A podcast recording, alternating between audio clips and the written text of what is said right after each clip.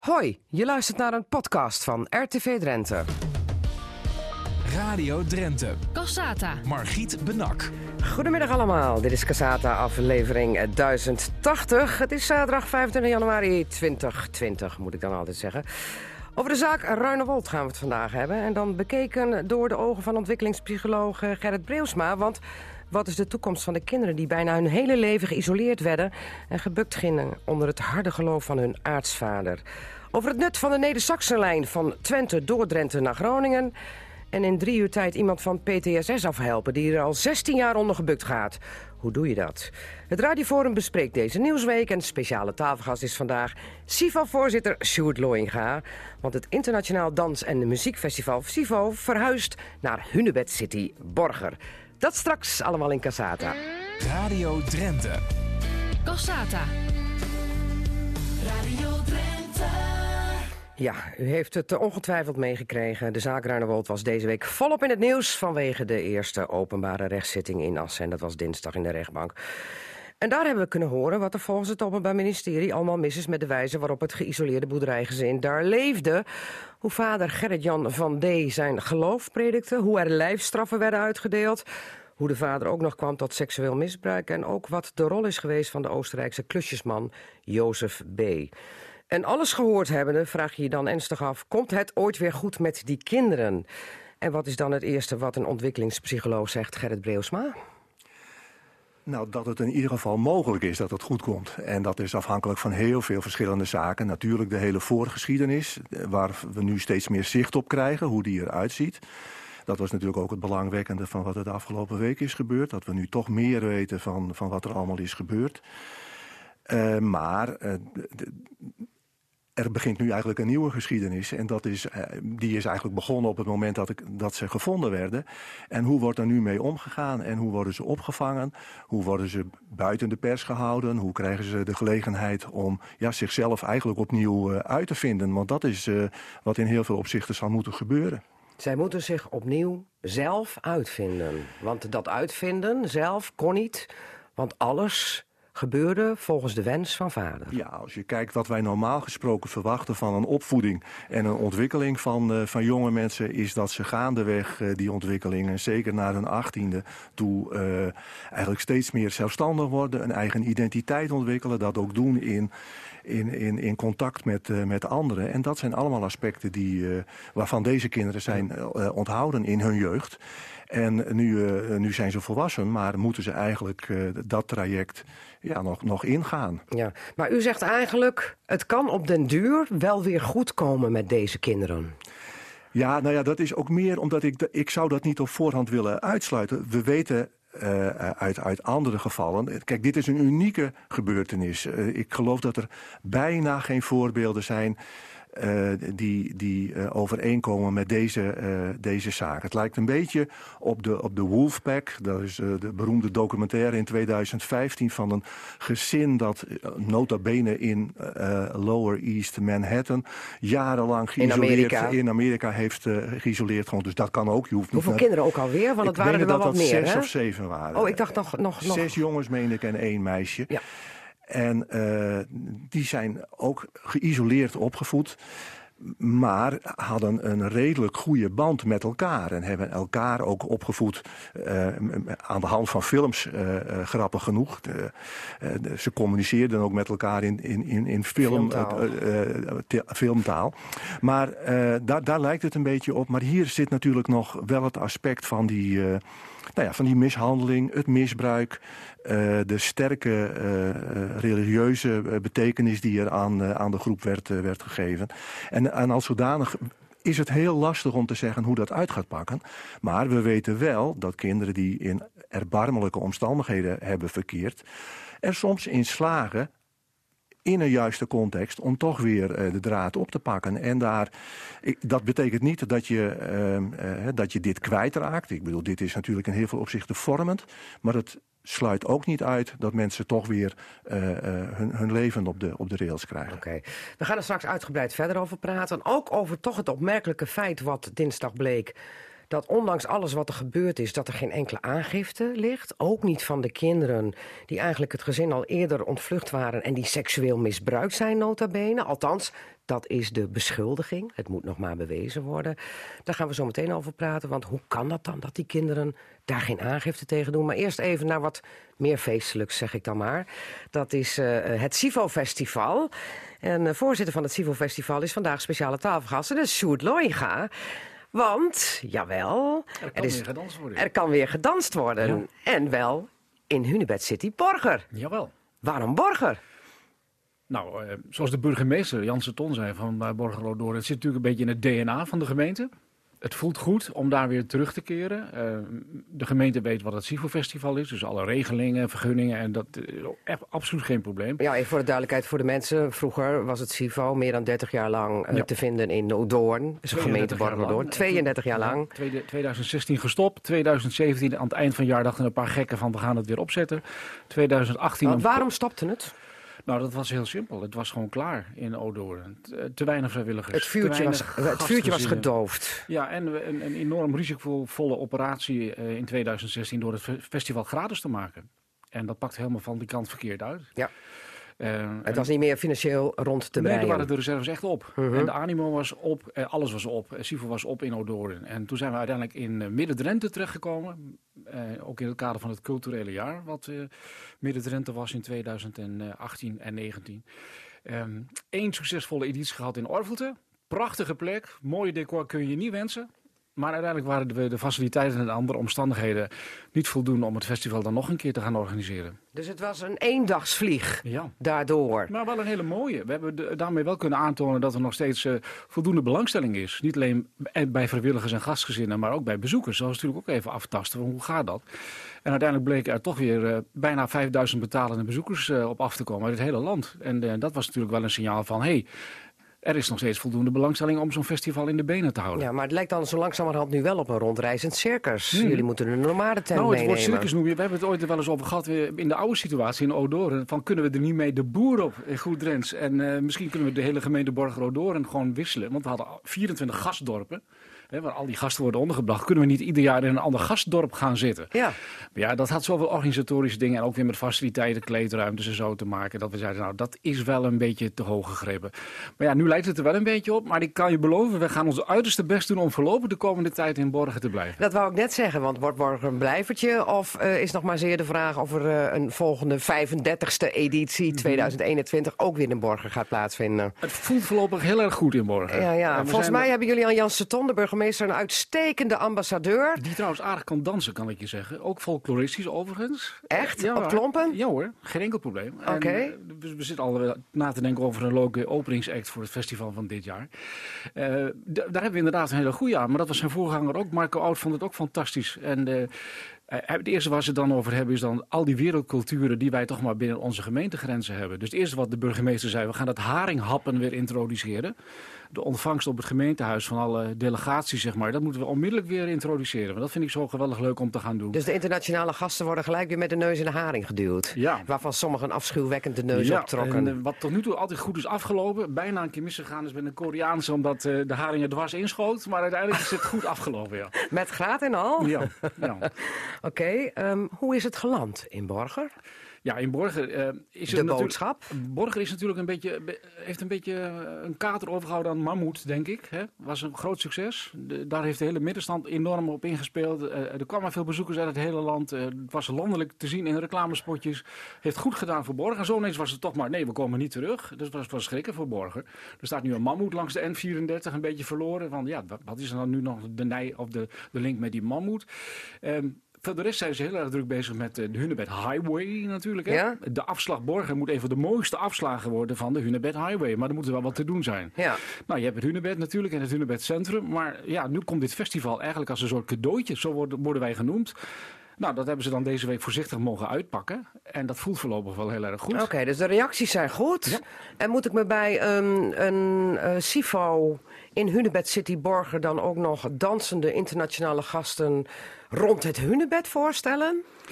Wat het oog wil ook Wij wat. zullen zeker het Hunebed een belangrijke plek geven, want ze vinden dat wel heel interessant, die buitenlanders. En eh, vooral dat het grafmonumenten zijn. Mhm. en, en hoe zijn ze daar gekomen? In het verleden, als ze in Odoren groepen kwamen uit Verwegistan, noem ik dan maar even, dan was het toch wel vast bezoekje toch even aan de Hunebedden. Waar staan die dingen? Hoe zien die eruit? Dat weten ze dan over het algemeen toch wel iets van. Maar dan willen ze het zelf ook wel even ervaren en even Ja. bekijken. Pas Nou, op, hè, dat er niet opgedanst wordt. Nee, dat moeten we inderdaad goed uitleggen. Ja. Ja, ja. Ook goed. niet aanraken meer. Eh, we gaan er straks uitgebreid verder over praten. Wat we er allemaal van verwachten van eh, het SIVO in Borger. En of de, het enthousiasme van Janse Ton ook betekent dat hij wat geld naar jullie toeschuift. Want eh, dat is altijd zeer welkom. Maar eh, dat laten we nog even voor wat het is nu. Ik zie al een grijns. Eerst even naar de zaak Ruinewold met Gerrit Breusma als ontwikkelingspsycholoog aan de Rijksuniversiteit eh, Groningen werkzaam. Volgt u zo'n zaak Ruinewold dan met meer dan gemiddelde belangstelling? Omdat u net al aangaf, het is toch wel uniek wat daar gebeurd is. Ja, zeker. Eh, kijk, eigenlijk als ontwikkelingspsycholoog zou je heel veel dingen wel willen bestuderen. En een van de grote vragen is natuurlijk: wat is de, de, de invloed van de omgeving, van opvoeding? Eh, eh, hoe, hoe, hoe, word je mens? Is eigenlijk ook eh, de, de meest algemene vraag die je daaraan eh, aan kunt, kunt stellen. Want u houdt zich voor alle duidelijkheid als ontwikkelingspsycholoog ook bezig met opvoedkundige Opvoeding aspecten. en ontwikkeling Ja. van, eh, van, van mensen in het algemeen. Wat voor wereldbeeld hebben die kinderen? Nou ja, dat, dat is in ieder geval eh, eh, heel beperkt en heel erg begrensd door, door het gezin met zijn eigen regels. Hè. De, de- een van de kenmerken natuurlijk van de normale opvoeding is. Bij alle ouders hebben ideeën hè, en, en van heel veel van die ideeën. Eh, daar, daar kun je vraagtekens bij zetten. Maar in, in iedere opvoeding eh, eh, is het eigen gezin zo lek als een mandje. Want er komt van alles binnen door vriendjes en, en wat je zoal ziet en meemaakt. Dat is ook een van de belangrijke aspecten van de, van de opvoeding. En het staat zelfs in de, in, de, in de rechten voor het kind. Dat kinderen recht hebben op contact met leeftijdgenoten, met de buitenwereld, et cetera. Nou, die zaken zijn hier allemaal eh, buiten de deur, letterlijk en figuurlijk buiten de deur gehouden. Ja, alleen voor de zes trouwens in, in het, in het, zeg maar in, het, in. Ruinewold. Ja, Want de oudste drie hebben nog wel eh, eh, de school bezocht. Maar Ja. dan was het wel, hup, naar school, onmiddellijk terug. Maar geen contact met dus vriendjes, ook- vriendinnetjes en geen feestjes. Nee, maar daar zie je dus wel dat zij zich ook hebben onttrokken aan het gezin. Dus kennelijk hebben die eh, in die aanloopperiode iets meer ruimte gehad om toch eh, eh, de, de buitenwereld eh, nou ja, mee te maken. Mhm. En dat is voor hen ook een reden geweest om op een bepaald moment uit dat gezin te stappen. En deze kinderen, die andere kinderen hebben dus eigenlijk een, een, een, een jeugd gehad waarin dat niet mogelijk Nee. is geweest. En op zichzelf, en, en dat, hè, dat was, was uw vraag, is dat een heel interessant experiment. Wat je in, het, in werkelijkheid nooit kunt Nee. nabootsen. Want ethisch is dat vol- volstrekt eh, ontoelaatbaar. Maar hier wordt je dat min of meer in de schoot geworpen. En als zodanig is dat natuurlijk reuze interessant. Ja, een mooi studieobject Ja. voor u. Ja, Ja. Maar als je dan kijkt, dat je dan in oktober eerst de berichten hoort. eh, Wat, wat was dan het eerste wat u te binnen schoot toen u daarvan Nou hoorde? ja, die associatie wel met, met dit soort eh, eh, eh, voorbeelden. Ik noemde al de Wolfpack. Ja. Eh, nou ja, wij, je- daar, daar heb ik vrij veel studie naar gedaan. Naar eh, zogenaamde wolfkinderen. Kinderen die, nou, al of niet bewezen, in het wild zijn eh, eh, opgegroeid. Daar zijn een aantal klassieke voorbeelden van. Die zijn dus ook helemaal verstoken van menselijk contact. Of voor een groot deel verstoken van menselijk contact. Nou, hier eh, is natuurlijk wel menselijk contact, maar in een hele beperkte setting. En dat was wel mijn eerste associatie. En voor de rest ja, was het in het begin zo onduidelijk eh, wat de Ja. achtergrond was. En, en kijk, er had ook nog een hele idyllische kant aan kunnen zitten. Hè? Mensen Het leek ook om- een beetje er zo op, hè? een soort Ja, eh, Hof nou ja. van Eden, in de natuur opgroeien. Maar als je dan inmiddels nu weet hè, eh, dat de, de vader er een heel hard geloof op nahield, dat hij de prime father was, dat de kinderen wel buiten mochten zijn, maar ook maar heel beperkt, eh, dat ze eigenlijk binnen de hekken van de boerderij opgroeiden, ook al Ja. was de buitendeur niet op slot. En zodra eh, er contact was geweest met de buitenwereld of er iets hem niet zinde, dat je dan onderging en dat Ja. je dan eh, harde lijfstraffen moest Ja. ondergaan, in het hondenhok werd gestopt, eh, koude douches moest ondergaan. Dat weten we nu allemaal. Eh, eh, Dat wetende, wat, wat dacht u toen? Nou ja, dan wordt het natuurlijk een heel ander verhaal. Want dan is die voorgeschiedenis van deze jonge mensen... is eh, nou ja, toch wel in heel veel opzichten getraumatiseerd. En dat trauma, dat is natuurlijk het pijnlijke... wordt eigenlijk pas heel erg duidelijk op het moment... dat zij uit die context worden gehaald. Dat is misschien al een beetje de tragiek, hè? Eh, zij hadden hiervoor amper een ander referentiekader. Ze hadden geen idee. Nee, nou in ieder geval een heel beperkt idee. Nee, want wij gaan nu zeggen, jullie wereld was fout en die van ons is goed. Ja, en daarmee tast je natuurlijk eigenlijk ook heel erg aan wat in feite hun enige houvast is, namelijk eh, de situatie waarin ze opgegroeid zijn, de relatie met hun vader. En dat verklaart ook een deel, eh, voor een deel denk ik wel, eh, de, de- die vrijwilligheid waar, waar sprake van is en waarvan de advocaat nu probeert Ja, Yehudi Moskovits, de advocaat van de Oostenrijkse klusjesman, die zegt van ze zaten daar uit vrije wil. Ja, je moet ja. het zien als een soort klooster. Ja. Monniken en nonnen gaan daar ook heen. Die vervolg je ook niet. Nee, nou ja, dat, ik vind dat een hele eh, eh, eh, slechte en ook wat gekunstelde redenering. Maar dat zij aan die vrijwilligheid vasthouden, begrijp ik wel. Want in feite is dat op dit moment hun enige restje identiteit uit die periode dat ze over hebben. En ik denk ook dat het slecht zou zijn om hen al te veel eh, aan te vallen op, eh, op die vrijwilligheid. Ik denk eerder dat je nu het accent zou moeten leggen op van hoe kun je vanuit de situatie nu eh, de draai maken naar een, naar een nieuwe Ja, identiteit. maar daar wil ik even naartoe, naar die vrijwilligheid. Dat zei ook inderdaad de advocaat. Maar in hoeverre kun je bij dat soort kinderen, inmiddels jongvolwassenen, spreken van uit vrije wil, als daar een aartsvader boven staat die hel en verdoemenis spreekt op het moment dat je ook maar enigszins contact probeert te zoeken met de buitenwereld. Omdat er dan boze geesten in je varen en dat je dan heel hard gestraft wordt. Dan is er toch geen sprake van Nee. vrije wil. In psychologische zin eh, is er eh, heel veel dwang geweest. En heel veel inperking van wat zij mochten denken. Ook weer een aspect uit die rechten van het kind die geschoffeerd is. Hè, het recht op een vrije meningsuiting, uiting, recht op eh, eh, vrije keuze voor eh, godsdienst. Daar is hier natuurlijk geen sprake van. Het is echt opgelegd. En er zijn ook repercussies aan verbonden. Als jij dat doet, dan kom je helemaal alleen te staan. Je bent verdoemd, et cetera. Daarvan kun je wel zeggen, dat is feitelijk niet zo. Maar in de wereld waarin deze mensen opgroeiden, was dat wel het geval. Dus in die zin is die vrijwilligheid ook... eh, zo gauw als je hem buiten de, de fysieke context haalt... is hij zo lek als een mandje. Alleen... ehm, eh, ik denk zelfs dat, dat in fysieke, in fysiek opzicht die vrijwilligheid niet erg groot was. De deuren werden wel degelijk op sommige momenten dicht eh, gehouden. Jazeker. En ze waren ook soms voor een korte periode, soms langere periode, wel opgesloten of geïsoleerd. Nou heb ik eh, eh, eh, toch mij wel verbaasd over het feit dat er bijvoorbeeld door de oudste kinderen geen aangifte is gedaan. Zij zijn het gezin al eerder ontvlucht voordat ze naar Ruinewold gingen. En er is ook sprake van seksueel misbruik. Is dat dan ook te verklaren over de invloedssfeer van vader die nog steeds op dit moment aan de gang is? Ja, nou ja, kijk, ook hier geldt weer, zij zijn daarin opgegroeid. Zij kunnen zich daar niet zomaar aan onttrekken. In feite is, het, is die, eh, die loyaliteit en, en dat beroep op vrijwilligheid... is hun, hun kapstok om nog een eigen persoon te zijn. Maar we weten sowieso ook dat loyaliteit... een van de aspecten is die bij kinderen ontzettend sterk is. En dat is ook vrij goed onderzocht, want we weten heel veel over eh, eh, kinderen die eh, te maken hebben gehad met seksueel misbruik en met mishandeling. Die blijven eigenlijk tot nou, ontzettend ver blijven die loyaal aan hun ouders. Ook al zijn hen de ergste dingen aangedaan. Voor ons als gewone mensen is dat maar heel moeilijk te bevatten. Ja, nou ja, dat weet ik eigenlijk niet. Kijk, wij verwachten ook in, in normale situaties heel veel loyaliteit van onze familieleden. Eh, en eh, ook daar zijn voor buitenstaanders soms best wel dingen waarvan je zegt... Ik, ieder ander gezin is altijd iets Ja. raarder dan je eigen gezin. Maar is het dan zoiets dan van als ze dat wel zouden doen uiteindelijk, die aangifte? Hè? Want we hebben dan eh, voor de rechtbank dinsdag zaken eh, gehoord. En ik heb de tenlastenlegging gelezen. En als ik dan zie wat daar gebeurd is, ook als het gaat om het seksueel misbruik... dan denk ik van, ja, doe aangifte, doe aangifte. Dat maakt de zaak sterker. Maar aan de andere kant kunnen zij denken, dat is verraad naar vader. Ja, ja, kijk, daar moeten zij dan wel mee verder. Hè. Zij, hebben, zij maken dan een radicale keuze tegen de vader. Dat hebben ze eh, tot dusver niet gewild. Op het moment dat ze dat wel doen... Maar maakt het verschil of de vader wel of niet veroordeeld wordt, bijvoorbeeld?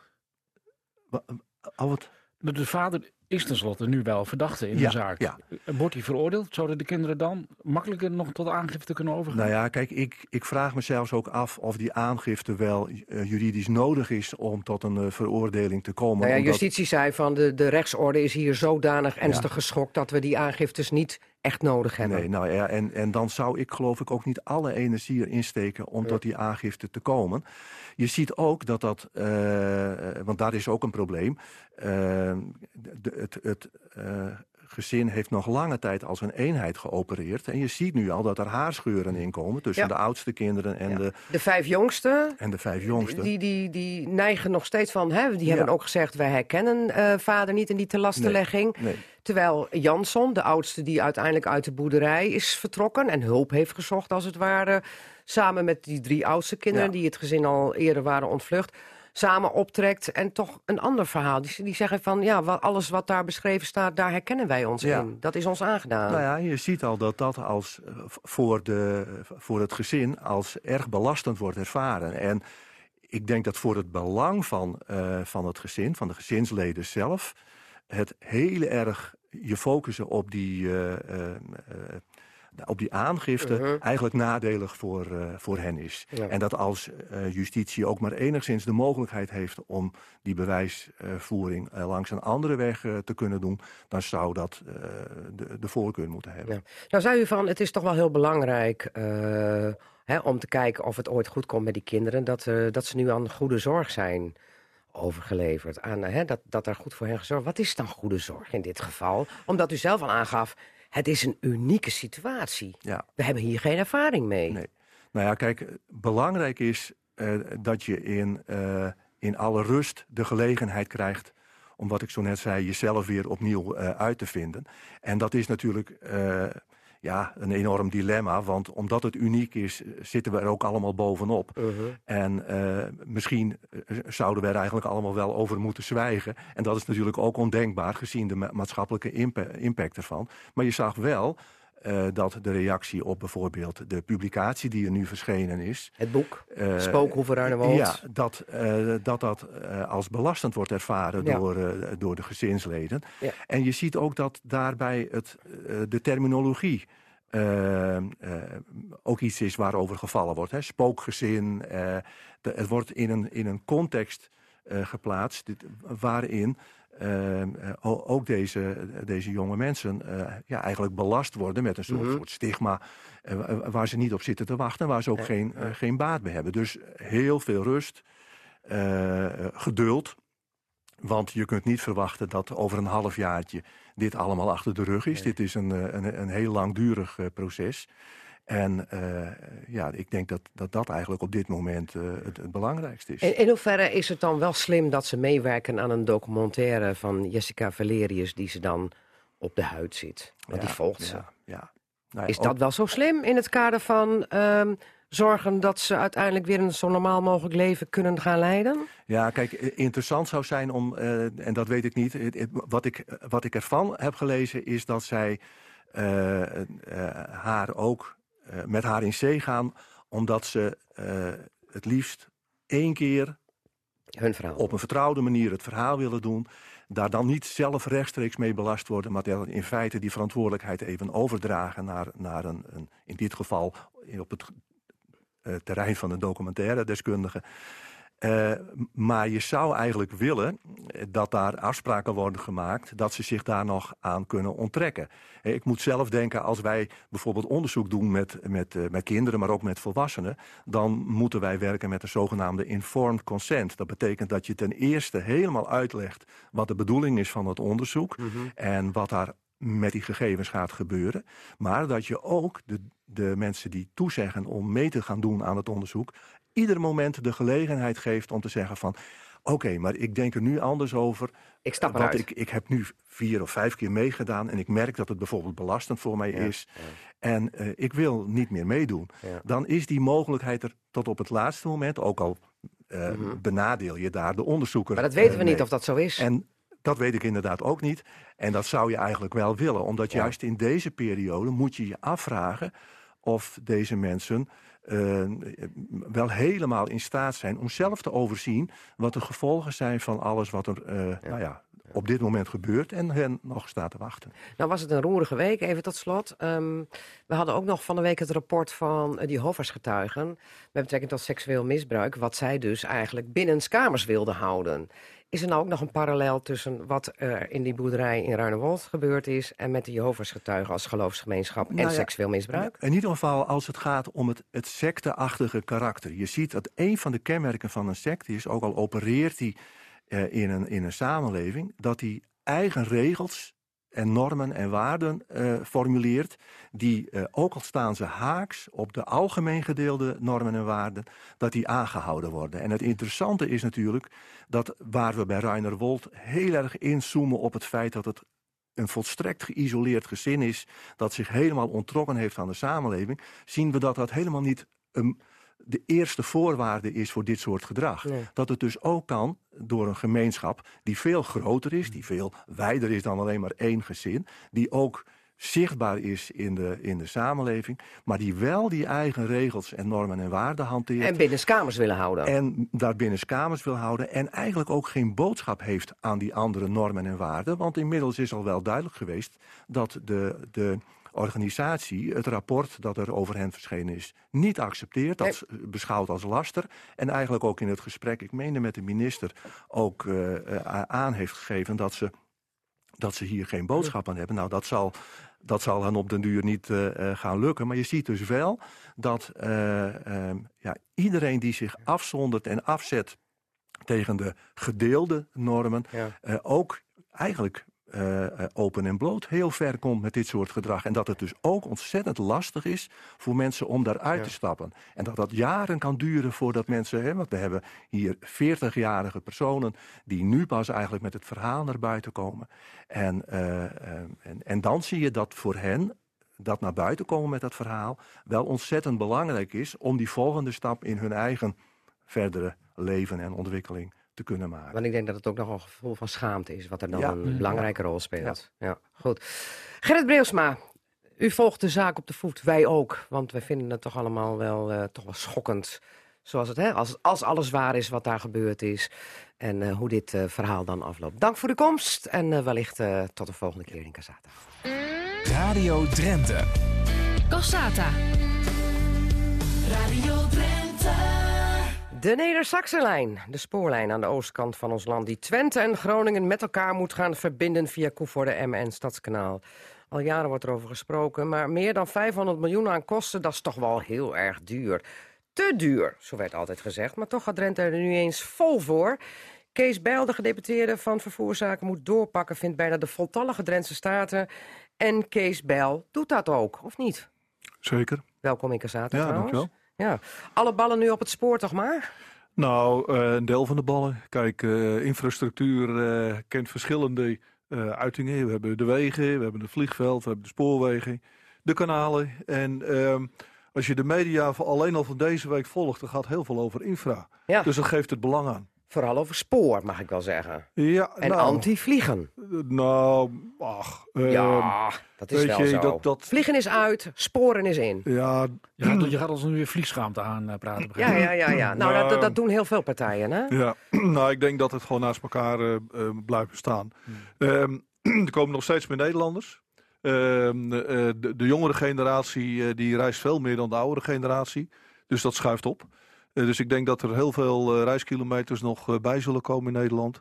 En dat kunnen we niet op de bestaande manier doen. Dus de spoorwegen zijn onmisbaar in dat eh, hele verhaal. Oké. Eh, we gaan zo meteen uitgebreid verder praten of het een utopie is dat die Neder-Saxenlijn eh, er komt. Of dat die nou toch eigenlijk wat realistischer is. Omdat ook het kabinet nu een haalbaarheidsonderzoek gaat doen. Al vraag ik me af hoeveel stapels papier er al aan deze Neder-Saxenlijn gewijd zijn. Want het is niet het eerste onderzoek. Maar toch even naar wat anders. Naar de tafelgast van vandaag, de Sjoerd SIFO-voorzitter. En eh, deze week werd bekend dat deze zomer het internationale dansspektakel in Hunebed City Borgen neerstrijkt.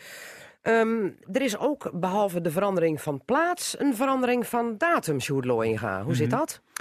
Ja, we zijn eigenlijk weer teruggekeerd naar de datum eh, in week 31. Zoals het 32 jaar in Odoren geweest is. Waarom die datum? Omdat we dan in een mooi rijtje met grote andere buitenlandse internationale festivals zitten. Maar leg even uit voor de mensen die niet weten wanneer week 31 is. Dat is de week van. eh, Nou ja, wij beginnen op de vrijdag 31 juli.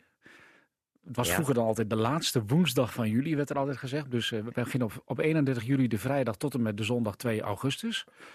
En om in zo'n rijtje plaats te nemen, eh, kunnen wij profiteren van groepen die uit Zuid-Amerika, Azië komen naar Europa voor hun tournee. En dan is een deel van hun tournee speelt zich dus af in Borgen. Dan in kunnen ze even langs wippen in Drenthe. Ja, dat scheelt nogal wat in de kosten als je het hebt over het transport bijvoorbeeld. Ja. Het gaat niet alleen om die mensen van A naar B te brengen. Het zou misschien ook met de trein kunnen hè, tegenwoordig. Niet met dat dure vliegtuig. eh, maar ook bijvoorbeeld alle, alle transport van instrumenten en, en heel veel kostuums. En dan hebben ze liever dat ze drie, vier weken door Europa trekken... dan dat ze steeds weer op en neer moeten rijden naar Zuid-Amerika. Ja, en dat bepaalt ook de prijs voor eh, zo'n groep die dan komt. Want de daar moet ook zelf de, volledig de kosten van de reis naar, naar Nederland in dit geval. Oké, en er komt niks naar hen toe als vergoeding? Nee, Helemaal niet. nee. Dus daar heeft het niet mee te maken. Het past alleen beter in hun tijdschema Ja. als het gaat. Nou ja, voor ons is het belangrijk om het programma zo aantrekkelijk mogelijk te hebben. Dus zoveel mogelijk culturen laten zien die onbekend zijn. Ja, en dan is het meest aantrekkelijke om naar het CIFO te halen. Welke dansgroep? Ja, dat is heel persoonlijk. Ik, ik, je begint nu al te lachen. Volgens mij vind jij blote mannen heel mooi. Dus dan denk ik iets van Colombia bijvoorbeeld, of Venezuela Oh ja, zijn misschien die wel. bloot? Deels. Ja, dat heeft weinig om het lijf. Maar dat is wel heel mooi. Beetje carnaval natuurlijk. Eh, En dat past bij de zomer. Ja. We hopen toch in juli dat het mooi weer is in Borgen. Moet je je voorstellen dat er een beetje carnavalsachtige sfeer ontstaat. Daar Ja, ik hou wel van swingend, maar eh, vooral swingend en bloot is dan ook mooi meegenomen. Kijk, het die oog wel ook wat. Ja. Kees Bel kijkt nou een beetje bedenkelijk. Ja, maar goed, wij zijn in Nederland, als wij denken aan folklore, nogmaals, wij groeien nog steeds op met het beeld van zwarte pakken en klompen.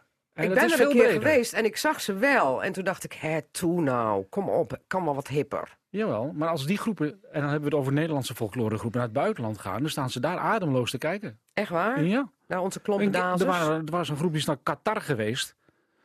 Nou, dat maakte daar een ongelofelijke indruk op de manier waarop daar Nederlandse folklore werd gebracht. Echt waar? ik, Echt vind waar. Het, ik vind het namelijk... eh, ehm, ik mag nou niemand beledigen, maar dat, gaat er niet echt swingend aan toe. Dat is best een beetje stijfjes, om eerlijk te zijn. Ja, maar dat maakte een- op, toch een on, ja, overweldigende indruk. De, de kleding, de, de, de- de blikken erbij ook van de oudere generatie over het algemeen die dat nog steeds doen. Maar ook de klompen natuurlijk, hè. Dat is ook een Maar dingetje. het is wel cultureel erfgoed. Hè? Ja, Dus, eh, oké. De ja. wooden shoes, hè? Nee, maar eh, dat, dat, dat hoort eh, ook wel bij Drenthe om, eh, om dat te hebben en ook uit te dragen. Dus dat vind ik helemaal niet verkeerd. Oké, maar goed, eh, eh, dat, hè, dus ons, onze Drentse klompendazers zorgen dus voor spektakel in Qatar. Maar wij willen graag spektakel naar Borger. Hm? Zijn er al groepen geboekt? Ja, we hebben, sinds gisteren weten we zeker dat er een groep uit Colombia komt. Dus oh, dat jou. zijn maar die naakte mannen. Ja. Ja? Ja. Nou, genoteerd. Kroatië heeft in ieder geval geboekt en Indonesië. Daar waar het vorig jaar Oh. misging met de Papua's, is het nu wel gelukt om, een- om een groep uit Indonesië naar, eh, naar Borgen in ieder geval te krijgen. Oké, is volgens mij voor het eerst, of niet? Ja. ja. Nou, 5000 bezoekers bijna vorig jaar in Orvelte. Ja, eigenlijk 8,5. Want dat heeft te maken met al die fietsers van de fietsvierdaagse. We hadden toen de combinatie gemaakt met de fi Ja. Drentse fietsvierdaagse. En dat waren 3.500 deelnemers die ook allemaal korte en langere tijd bij het festival geweest zijn. Dus dat waren in ieder geval meer dan 8000 Ja. kijkers. Maar 5000 betalende bezoekers. Mhm. Wat wordt het in Borger, Sjoerd? Wij hopen eh, minimaal ook weer op 5.000 bezoekers te kunnen rekenen in Borger. Maar goed, Orvelte is eigenlijk een heel klein dorpje. Borger is wat meer een beetje een Hunebed City. Misschien... Dat vinden ze in Orvelte niet leuk wat je nu zegt. Want Orvelte is best een grote plek als het gaat om toeristische attractiviteiten. Dat weet ik. Daar lopen duizenden mensen ieder weekend in de zomer rond. Ja, maar die duizenden mensen zijn dus, ja goed, 5000 betalende bezoekers. Maar ik bedoel, Borger ligt toch ook op een belangrijk scharnierpunt daar aan de Hunebed Highway. Zeker. Ja, Dus ja. makkelijk aan te doen. ja. Wij Allerlei ook- vakantieparken in de buurt. Oh, Zeker, heb je in Orvelte overigens ook. Maar Ja. we, we hebben denk ik wat dat betreft wel kunnen we vergelijken met Orvelte qua toeristische belangstelling. Borgen is ook een prima plek, maar Orvelte was dat ook. Oké. Eh, we gaan straks eh, uitgebreid verder praten, want je stipte dat al even aan de fiets. We moeten nog even weten of Jan Seton nog wat uit de kast trekt eh, voor het eh Sivo Festival. Want we gaan wel het- fietsen trouwens hoor. Ja, dat Ja, weet ik. ja, dat, dat heb ik gelezen, maar dat, dat bewaren we nog even voor straks. Er moet nog wat over te praten zijn. Bovendien moet Kees Bijl hier ook niet voor niks naartoe komen naar Casata. Want we moeten het gaan hebben over die Neder-Saxenlijn. Waarover we volgens mij al jaren praten, Kees Bijl. Maar nu gaat het dan werkelijk gebeuren? Het wordt nu echt? Het wordt werkelijkheid? Of wordt het weer het zoveelste onderzoek waarvan de conclusie zal zijn... het is toch niet haalbaar, te duur? Nou ja, je zegt, eh, we praten er al jaren over. Eh Ja. 15 jaar geleden eh, was er geen zicht op dat de trein vanuit Groningen via Veendam in Stadskanaal zou komen. En in 24 rijdt er dus een trein tussen Groningen en Stadskanaal. Eh 15 jaar geleden was er ook geen zicht op eh, dat er eh, de Duitse trein via Koevoorde weer richting Emmen zou komen. En ik voorspel dat in 23, 24 de Duitse trein in ieder geval tot aan Koevoorde komt. Kees Bijl, het is dus- een, dus- het is een z- voorspelling, hè? Het is nog dus- geen realiteit. Nou, dat, dat is, de, de Duitse financiers, de regering heeft al besloten om dat te betalen. En Groningen heeft al besloten om dat te betalen. Dat, is gewoon, dat wordt gewoon werkelijkheid. Dus je ziet dat in de loop der jaren de uiteinden van de verschillende eh, lijnen steeds dichter bij elkaar komen. Dus het stukje wat er nog tussen gepropt moet steeds- worden, wordt steeds kleiner. Ehm, Dus het en- wordt steeds goedkoper. en, en je ziet dat eh, de trein eh, steeds populairder wordt. Eh, dat geldt ook voor de bus trouwens. Het, eh, de OV-kilometers nemen alleen maar toe. Eh, dat is hartstikke goed en nodig. Eh, dus ik denk als je 15 jaar verder kijkt, eh, eh, dat lijkt nu even heel ver, maar dat de kans reëel is dat er meer eh, infra eh, voor de spoorwegen in Nederland eh, er zal zijn. En dan zeg ik, ja, we kunnen ons natuurlijk eh, heel druk maken over snelle verbindingen tussen Amsterdam en Stockholm. Hartstikke nuttig. Maar ik blijf eh, graag ook dicht bij huis. En ik wil graag dat in eh, de oostkant van Nederland ook eh, een goede infraverbinding komt. Ja, want daar wou ik natuurlijk even naartoe, want dat was deze week ook in het nieuws. Hè? Het spoor, eh, eh, internationaal, naar Stockholm, Amsterdam. En daar ligt daar ook een prachtig plaatje tussen. Groningen, Drachten, Flevopolder, Amsterdam. De Lelylijn die ze Ja, zo graag ja, willen. ja. Drenthe wil de Neder-Saxenlijn. Drenthe wil ook graag een heel snel spoorverbinding over bestaanspoor. we Dan denk ik, we doen graag- dit, we doen dat en we We doen willen dat. in, in Drenthe graag de dingen die voor Drenthe van belang zijn. Juist. De Romeinen hebben ons al geleerd, eh, geen economie zonder infrastructuur. Eh, en dat geldt ook voor Drenthe vandaag de dag nog steeds. Maar wat staat Dus boven Kees zetten- Bijls een dus wij zetten- verlanglijstje? Dus wij zetten in op bestaanspoor eh, beter benutten. Dat Dus is nummer één. Nummer 1 is Juist. meer treinen tussen eh, Assen en eh, Zwolle en tussen Emmen en Zwolle. En sneller. Ja, maar goed, laten we eerst eens beginnen met meer treinen. Ja. Ehm, dan zetten we in op een verbinding tussen Duitsland, Koevoorde naar Emmen. Dan zijn wij niet tegen een oplossing van een snelle verbinding eh, tussen het noorden en de Randstad als dat via een lelielijn gaat. ja. Eh, maar wij denken dat in, Op ieder geval, dus. dat in ieder geval eh, het traject Zwolle-Amsterdam veel sneller kan. Dat Mhm. is ook heel realistisch. Mhm. En dat is voor de meeste Drenthe tot de plek waar ze opstappen richting de Randstad. En niet Groningen. En eh, de Neder-Saxenlijn eh, is Vijf. wat ons betreft eh, niet vijf. Is, Oh. is, U noemt die als vijfde nu nee, hoor. dus ik, dat- ik was even een scorelijstje aan het maken. ik bouw even op. Eh, en de Neder-Saxenlijn is wat ons betreft een hele realistische optie. Om aan de oostkant van onze provincie een goede verbinding tussen Groningen, Emmen en Twente tot stand te brengen. Oké, maar leg dan even het nut ervan uit. Wat hebben we eraan? Een Nou, verbinding tussen Twente en Groningen met Drenthe als tussenstap. Nou het, nut is dat eh, een, een trein ehm, meer mensen het openbaar vervoer inbrengt dan een bus. Eh 40% eh, meer gebruik van het openbaar vervoer als er een treinverbinding is. Maar dan snap ik uitgerekend dat traject aan de oostkant. Wie gaat dan van Groningen naar Twente? Ja, wie gaat er van eh, eh, Groningen naar Amsterdam elke dag? Er is ook bijna niemand. Nee, maar is er een markt Dus- voor? Zijn er Zeker, mensen die dat, willen? dat- dat- ja, er zijn onderzoeken naar gedaan. Het grappige is, de Duitsers die zijn ons voor. Er wordt nu eh, vanuit Noordhoorn via Rijne richting Koevoorde... wordt er ook weer een nieuw traject op, opnieuw ontwikkeld. dus aan de andere kant van de grens. Ja, en je ziet dat het gebruik daarvan alle voorspellingen overtreft. Oké. Ehm, dat is dus, dat is Dus heel, dan gaan we spiegelen en dan gaan we dat aan de, aan de andere kant van de grens hier ook doen. Ja, maar als jij vanuit het Stadskanaal eh, naar Zwolle zou willen, dat is nu een, eh, met het openbaar vervoer, dat is Ja, nu dat is een, een dingetje. eh, een- dat is wel een behoorlijk. eh, Ja, dan ga je van Stadskanaal naar. Groningen en dan Ja. stap je in Groningen op de trein Ja, en dan ja, zoef dus- je naar Ja, Zwolle. nou, lekker logisch. Dus als je vanuit Stadskanaal naar Emmen kan eh, met de trein en door naar Zwolle, is dat veel beter. Oké. Eh, het gaat om de eh, ontwikkeling, want je moet niet alleen kijken naar alleen SEC, het vervoer. Het gaat om de sociaal-economische ontwikkeling van Oost-Groningen en Oost-Drenthe. En dit is een goede impuls voor die ontwikkeling. Ja, ook want- met, met waterstof heb ik begrepen. ja. Nou ja, dat is. eh, je, je- je- ik zeg altijd: niemand hoeft mij te vertellen wat er tegen is. Wat doen anderen wel? Het is allemaal zo duur en Mm. dit. En dan moet je met een Ja, dieseltrein maar een rijden. goede gedeputeerde weet zich daaruit te kletsen. Precies, en je moet niet, eh, je moet niet denken aan diesel, eh, want dat doen we natuurlijk niet meer. Nee. Eh, denk dan aan waterstoftreinen. Ja. Want kijk, Groningen en Drenthe die profileren zich als de waterstof eh, eh, eh, Zeker. van Nederland. Stelpstra die roept dat maar al te graag, de En, gedeputeerde. en, en daarmee komt dus ook het enthousiasme van de rest van het college tevoorschijn. Want het is een ontwikkeling van de waterstofeconomie. Waar dus ook de collega-deputeerde Stelstra en Brink zich enorm voor inzetten. Maar nu hebben we al heel vaak, volgens mij, een onderzoek gehad. naar die spoorlijn? En dan was het uiteindelijk toch elke keer het antwoord nee. Weet je, het verhaal is eh, dat een goed We onderzoeken ons suf. Ja, dat, dat is prima. Eh, een goed idee is pas echt goed op het goede moment. En, Ah, dit is ehm, het juiste moment. En wij, en wij komen nu op het punt dat dit ook het goede moment is. Er wordt in Nederland een fonds van 50 miljard voor investeringen eh, klaargemaakt. Ja. Eh, je zei al even iets over de kosten. Kijk, dat gaan wij als de rente natuurlijk niet betalen.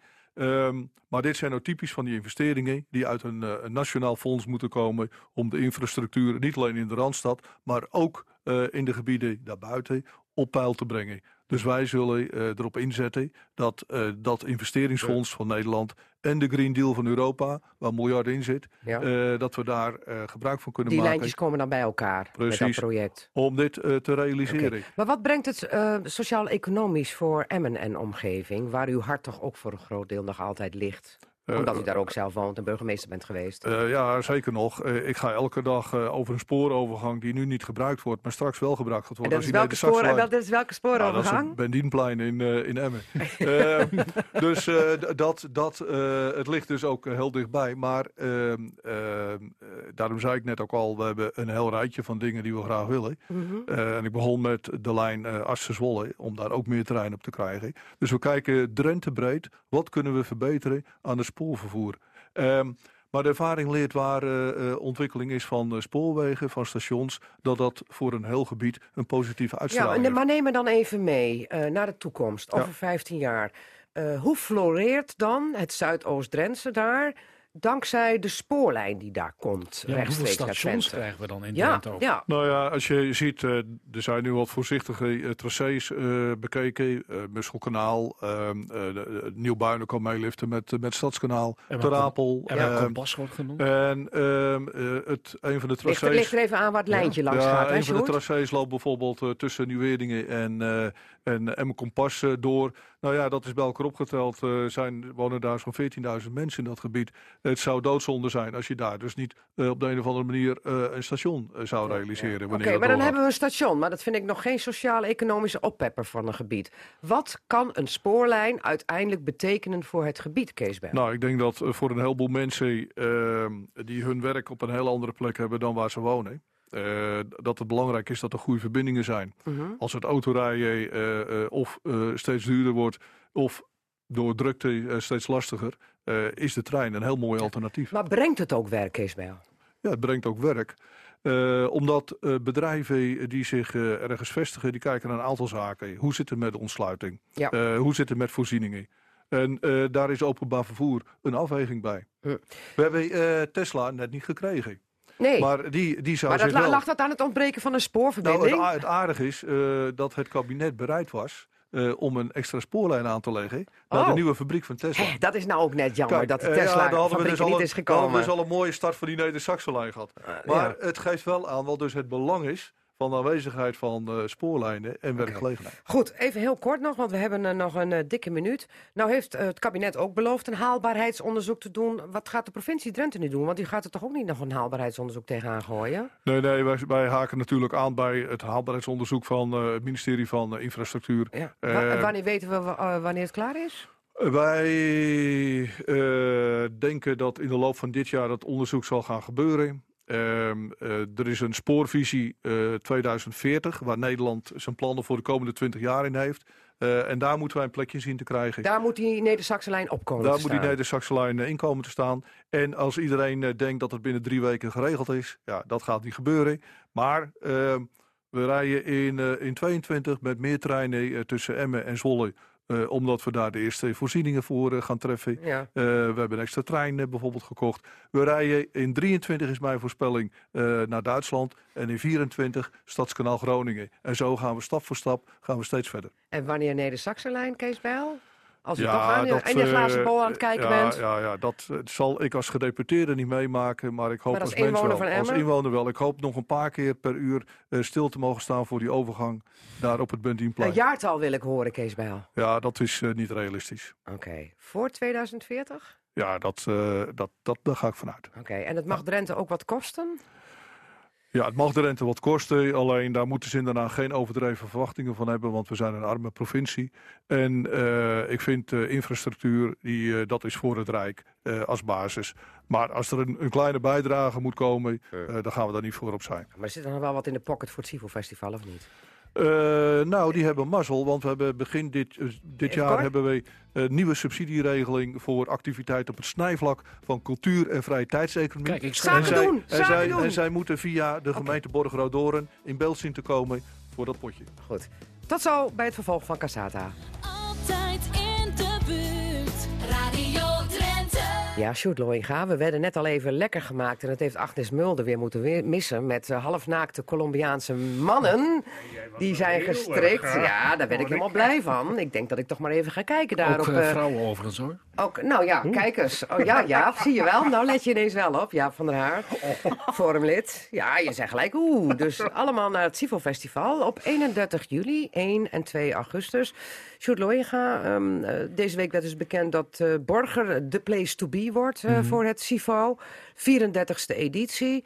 Nou zat hier net Kees Bijl. Er zijn financiële mogelijkheden voor jullie om bij de gemeente Or- Borgerdoorn geld aan te vragen. Subsidie. Ja, dat we een beetje tussen wal en schip vallen met ons eh, festival, zoals hij ook al zei. Wat is cultuur? Hè? Dat is altijd een hele goede vraag. Heel moeilijk te beantwoorden. Dansen is toch cultuur? Ja, maar Internationale contacten, dat is ook cultuur. het is cultuuroverdracht, zeggen wij altijd. Hunebed snuiven is ook cultuur, want je brengt namelijk ons verleden eh, over aan internationale gasten. Ja. En wij leren iets van die andere cultuur, ook Juist. Eh, ja, dat is heel mooi om te horen. Maar goed, we- dus het was nieuw voor mij, dus eh, er wordt ongetwijfeld krijgt dat een vervolg. Ik heb begrepen dat de gemeente Borgerdoorn 25.000 euro krijgt van de provincie. En dat zij dan mogen kijken wat dan onder die noemer cultuur valt. Ja. ja.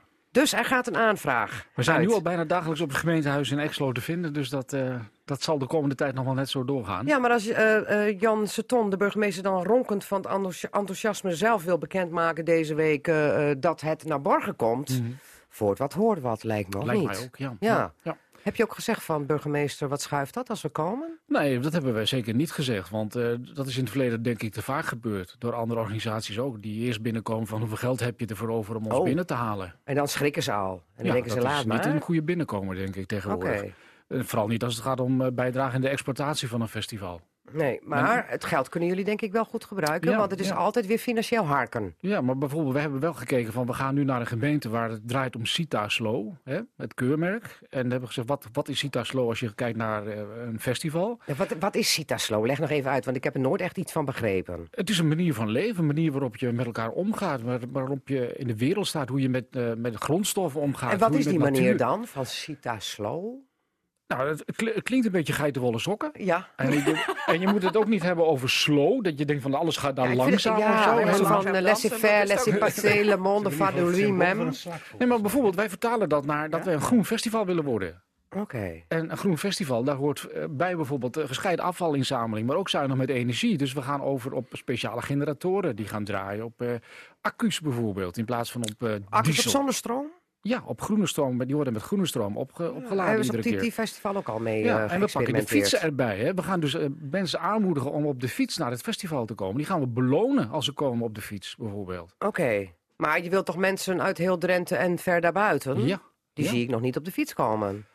Nou, waarom niet? Eh, uit Assen op de fiets naar Borgen? Kan. Kan. Kijk, de provincie heeft er ook een speer- speerpunt van gemaakt om ons als fietsprovincie in de hele wereld te presenteren. Ja. Dus daarvoor hebben wij vorig jaar met al die landen ook op de fiets door Drenthe getoerd. Dat heeft ontzettend veel aandacht opgeleverd, ook bij die landen. Die hebben thuis op tv in Mexico. In de... Ja, maar dat paste Servië- uitstekend toen bij het moment. Want het was de Drentse fietsvierdaagse aan de gang. Mhm. Dus het ene werd aan het andere Ja, geknoopt. maar wat is mooi als je een bezoekje aan het Sivol combineert met een bezoekje aan het Hunebedcentrum. Mhm. Of het Drouwenzand. Hmm. Ik, En dat ik, doe je dan lekker op de fiets, allemaal in dat gebied. ik hoor arrangement naar boven komen. Daar hoor ik ook, ja. Ja, dat hoor ik ja, ook. Ja. ja. Dus daar zijn we mee bezig inmiddels. Goed. We zitten toevallig tegenover een van de grootste fietsenhandelaren van eh, het noorden. Ja, Toevallig. En Toevallig. daar kunnen we ook een mooie link mee maken, ja. want waar zitten jullie precies? Aan de Hoogstraat, in aan het Hoogstraat. College. Ja? Die hebben daar een prachtig eh, groot complex met eh, ja, klaslokalen, wat wij dan kleedkamers gaan van gaan maken. Met, met voldoende kantoorruimtes, opslagmogelijkheden. En daarvoor ligt een enorm mooi eh, sportveld. Het gymterrein, zoals dat heet bij een school. Ja, En daar, daar gaan we de podia opzetten, zeg maar. oké. Dus dat wordt het internationale folkloristische danstoneel. Bijna in het centrum van Borgen. We Oké. zitten net niet op de rotonde, zeg maar. Net een Ja. stukje buiten. Maar daar ligt nou net niet dat hunebed. Nee, dat is een stukje verder, maar daar pak je dan de fiets weer voor. Oké. En gaan jullie daar dan nog iets mee doen? Dat er bijvoorbeeld een speciale avondvoorstelling is? Toch wel, dat lijkt me wel heel spannend met mooie Dansen rond het hunebed. Ja, dansen rond het hunebed. Ik vind het een goed idee, Margriet. We nemen Ja. het mee. Oké. Ja. Ja, dat doet me een beetje denken weer terug aan de tijd, weet je? Een beetje mystiek. Ja? Ja, je lacht me uit, Jaap van der Haar, of niet? Ja. Ik denk gewoon een beetje positief mee. We worden helemaal spiritueel nu. De witte wiem rond het hunebed. Ja, oké. Maar ehm, de groepen onderbrengen. Eh, in Odoorn was het eh, vroeger gewoon heel normaal. Gastgezinnen, Ja. Culturele uitwisseling, internationale gasten aan tafel. Maar de tijden werden anders. De, tijden dachten, werden anders. Niemand wilde die lui Nee. meer over de We vloer. willen geen vreemdelingen meer aan huis. Je En weet niet nu? wat je in huis haalt. Nou, dat gaat gelukkig wat beter nu. We hebben, eh, sinds we gemeld hebben dat we in Borgen zitten, ook weer een aantal van de oude gastgezinnen, zo noem ik ze dan maar even, uit dorpen eh, als Borger, eh Gasselte, eh, Stadskanaal, Ter Apel, die zich weer toch weer gaan melden.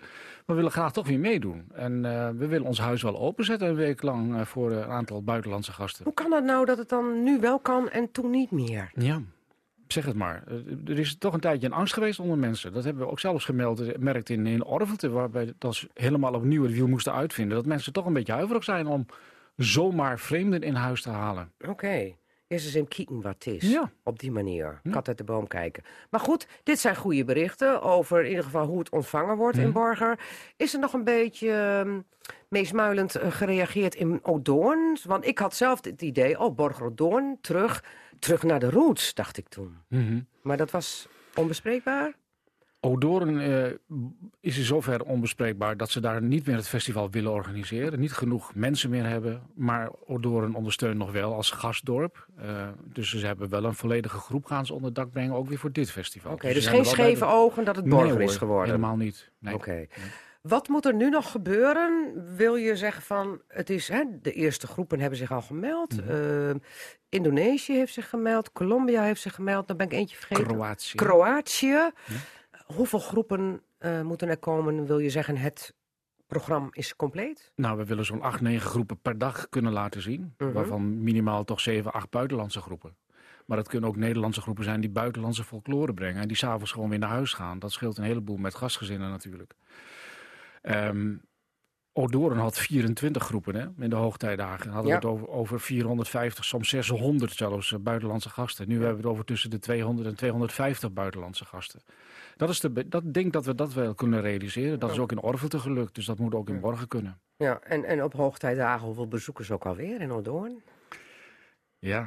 Je durft het bijna De- denk ik niet meer te zeggen. Nee, dat, dat, eh, maar er werd ook op een bepaalde manier geteld. Als je een paspartout had, dan telde je iedere dag weer opnieuw mee als bezoeker, zeg maar. Oké. Maar dan kwam er uit eh, dik boven de 30.000 bezoekers. Ja, hè. moet je nagaan. 34.000 is volgens mij het record geweest. Ja, ja, van 34.000 uiteindelijk afgezakt naar 5.000. Maar als het 5.000 zijn in Borger, ben je wel weer Daar tevreden. ben ik heel tevreden, ja. Die kleine schaal past ook veel beter bij door Borgen, denk ik. En, en nogmaals, eh, vrijwilligers is ook een dingetje. Ja, Probeer maar allemaal eens wel van mensen te vragen en zeggen van, wil jij een week lang meewerken aan een festival? Dan zeggen ze, wat krijg ik daarvoor? ja, ja. Tegenwoordig Eh, dan is dat ze niet alleen kosten inwoning, maar dan vragen ze ook gewoon een vergoeding Ja. tegenwoordig. Ja. En wat, wat jullie betreft is dat niet aan de orde. Nee. Vrijwillig is echt vrijwillig. Ja. Hebben ze zich al mensen gemeld als Heel veel, vrijwilliger? heel veel, want die denken ook allemaal, misschien levert het een leuke reis naar het buitenland op. Ah, oké. Of dikke verkering, dat kan natuurlijk ook. Hè. Als je kijkt naar het aantal huwelijken dat is ontstaan door SIVO en kinderen uiteindelijk ook weer, dat is eh, ook een dingetje. Sivo-kindjes. Ja. Goed. We gaan er straks uitgebreid nog even over praten. Sjoerd Looiga, hoogste tijd voor wat anders. Cassata, het radioforum. Sivo-kindjes. Dus, ja. Hoeveel zijn er, Sjoerd? Sivo-kindjes? Officieel? Ja? Dat weet ik niet, dat wordt niet echt bijgehouden. Maar er zijn verschillende. Ja, er zijn best wel tientallen, denk ik. Oké. Hoor. Ja. En die lopen ook in... En er zijn eh, ook mensen die daardoor verhuisd zijn naar het buitenland. Die zijn meegegaan met de danser. Andersom zijn ook wel dansers hier gebleven. Oké, nou, nou, zo zie je maar weer. Het brengt altijd wel wat voor. Hmm. Niet alleen het volksfeest in het dorp, maar ook het Sivofeest internationaal. Goed, forumleden. Ehm Sjoerd Loiga is bij deze gepromoveerd tot Cassata Radioforumlid eh, voor nu. En daarna zit... Agnes Mulder en ik ben eh, Tweede Kamerlid voor het CDA. Ik woon in Assen. En, En- daarnaast zit Jaap van der Haar. En die is eh, wethouder voor Sterk Meppel en buiten Meppel eh, altijd bezig met GroenLinks. Ja, nee, dan weten we gelijk even de kleurtjes die Ja. erbij horen hè, vandaag. Eh, de zaak Ruinewold. We hebben uitgebreid net in het eerste uur al de zaak besproken... en door de ogen bekeken van een ontwikkelingspsycholoog. De eerste rechtszitting was deze week. Het was nog een proforma zitting, maar toen hebben we met z'n allen kunnen horen... wat daar zoal volgens het Openbaar Ministerie in die boerderij is gebeurd. Even heel kort, Sjoerd, hoe kijk jij daarnaar? Je hebt Gerrit Breelsma, de ontwikkelingspsycholoog, ook gehoord.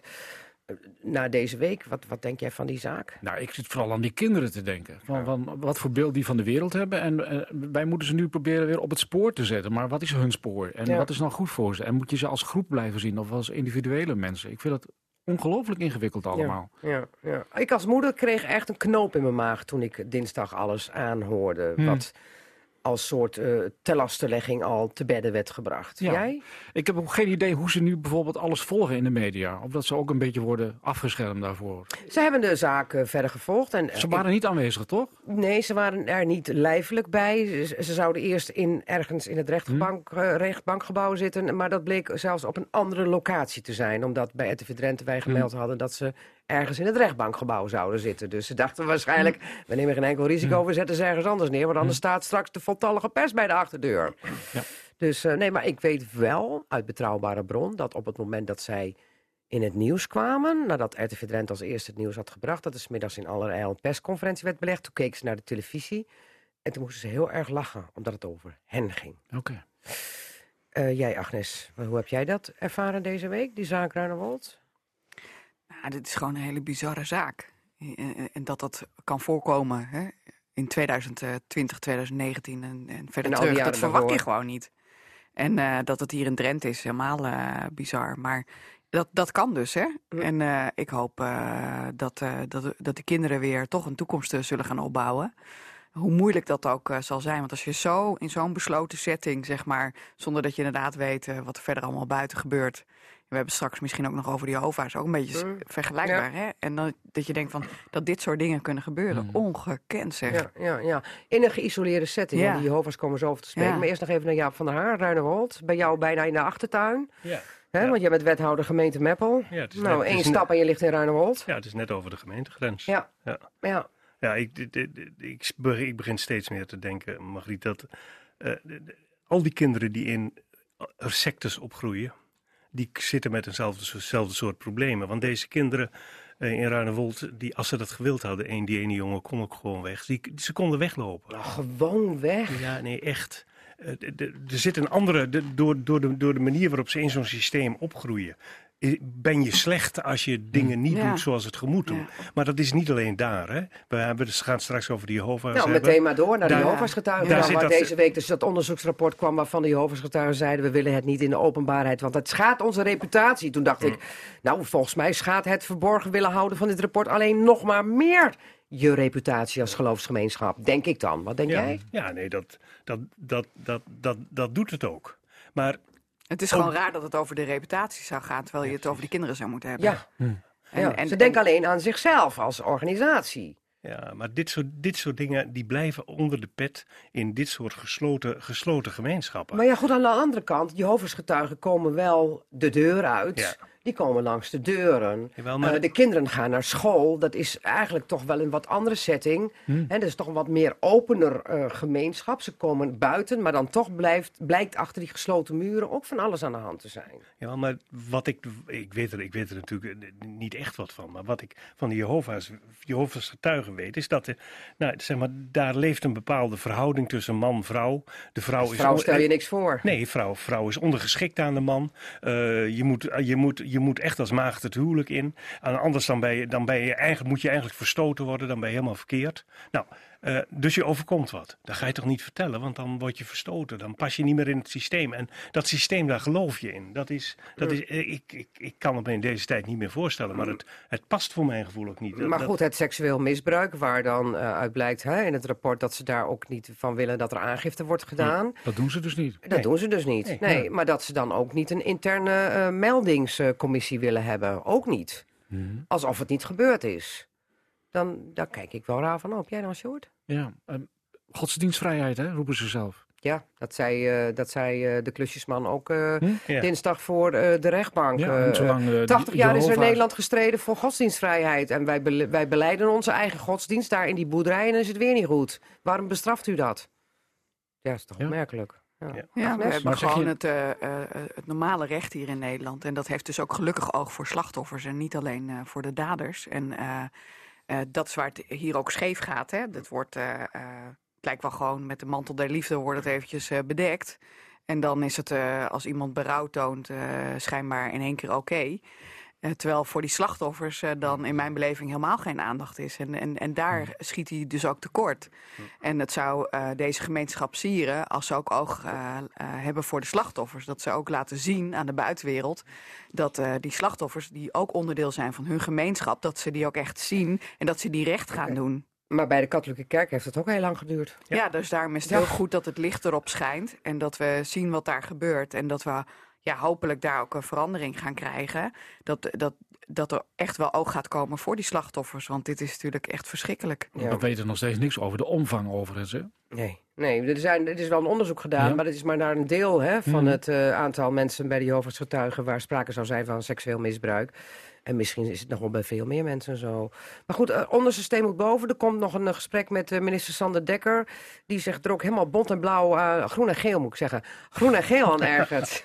ja, dat is, vroeger dacht ik altijd bont en blauw, maar dat is wat anders. Groen Ja. en geel aan ergert. Dat zij dus niks met die aanbevelingen willen doen. Wat, eh, moet, advies voor Sander Dekker? Nou, ik vind het heel erg goed dat hij er zo bovenop zit en dat hij het gesprek met hen aangaat. En ook laat zien waar wij als rechtsstaat voor staan. Daar zij Ja. ook onderdeel van uit. Hè? Maar heeft hij een drukmiddel?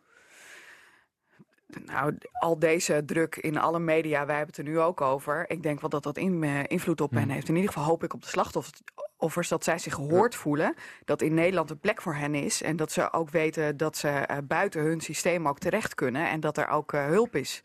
Want dit is gewoon vreselijk. Goed. Eh, heel iets anders eh, na eh, deze ellende voor heel veel mensen. Het spoor moet terug in Oost-Drenthe. De universiteitssteden Enschede en Groningen moeten aan elkaar geknoopt worden. 500 miljoen euro zou het volgens het laatste onderzoek moeten kosten. Eerst was Drenthe nooit zo enthousiast. En nu hebben we net Kees Belde, gedeputeerde, gehad. Ronkend van het enthousiasme, die kansen wil grijpen.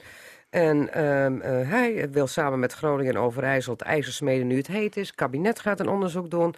Zie jij een beetje heil in die Neder-Saxenlijn? Eh, want ja, je zit in Meppel, ver vandaan. Precies. Jaap van der Haar, Ja. maar jij spoort wel graag. Eerder dan vliegen. Ja, ja, ja. Ja, maar we hebben nu... Kijk, de, eh, de, de, de grootste stukken van die treinverbinding die zijn er straks. Tot Emmen is die er al, tot Stadskanaal is die er in, in 24. Ja. Volgens mij moeten we... Volgens de glazen bol van Kees komt er steeds meer een stukje bij. Ja, ja nee, maar de- die, trein, die treinen gaan rijden. Vanuit Groningen is dat al toegezegd. Dus, en, daarna, en daarna hebben we een hartstikke snelle busverbinding over een hele mooie weg. Ja, maar dat is namelijk de reden dat Henk Brink altijd zei... we hebben een mooie Q-liner. Die zoeft van Emmen zo hup, via de N34. Nou ja, N34 En dan wil je- en- en- naar Groningen. Ja. Dan hebben we ook nog de verdubbelingswensen voor de N34. Ja. En dan heel in de verte, heel erg in de verte... Nee, ligt maar dan als die je nou Neder-Saxenlijn. Als je nou eens anders kijkt, je wilt 500 miljoen investeren.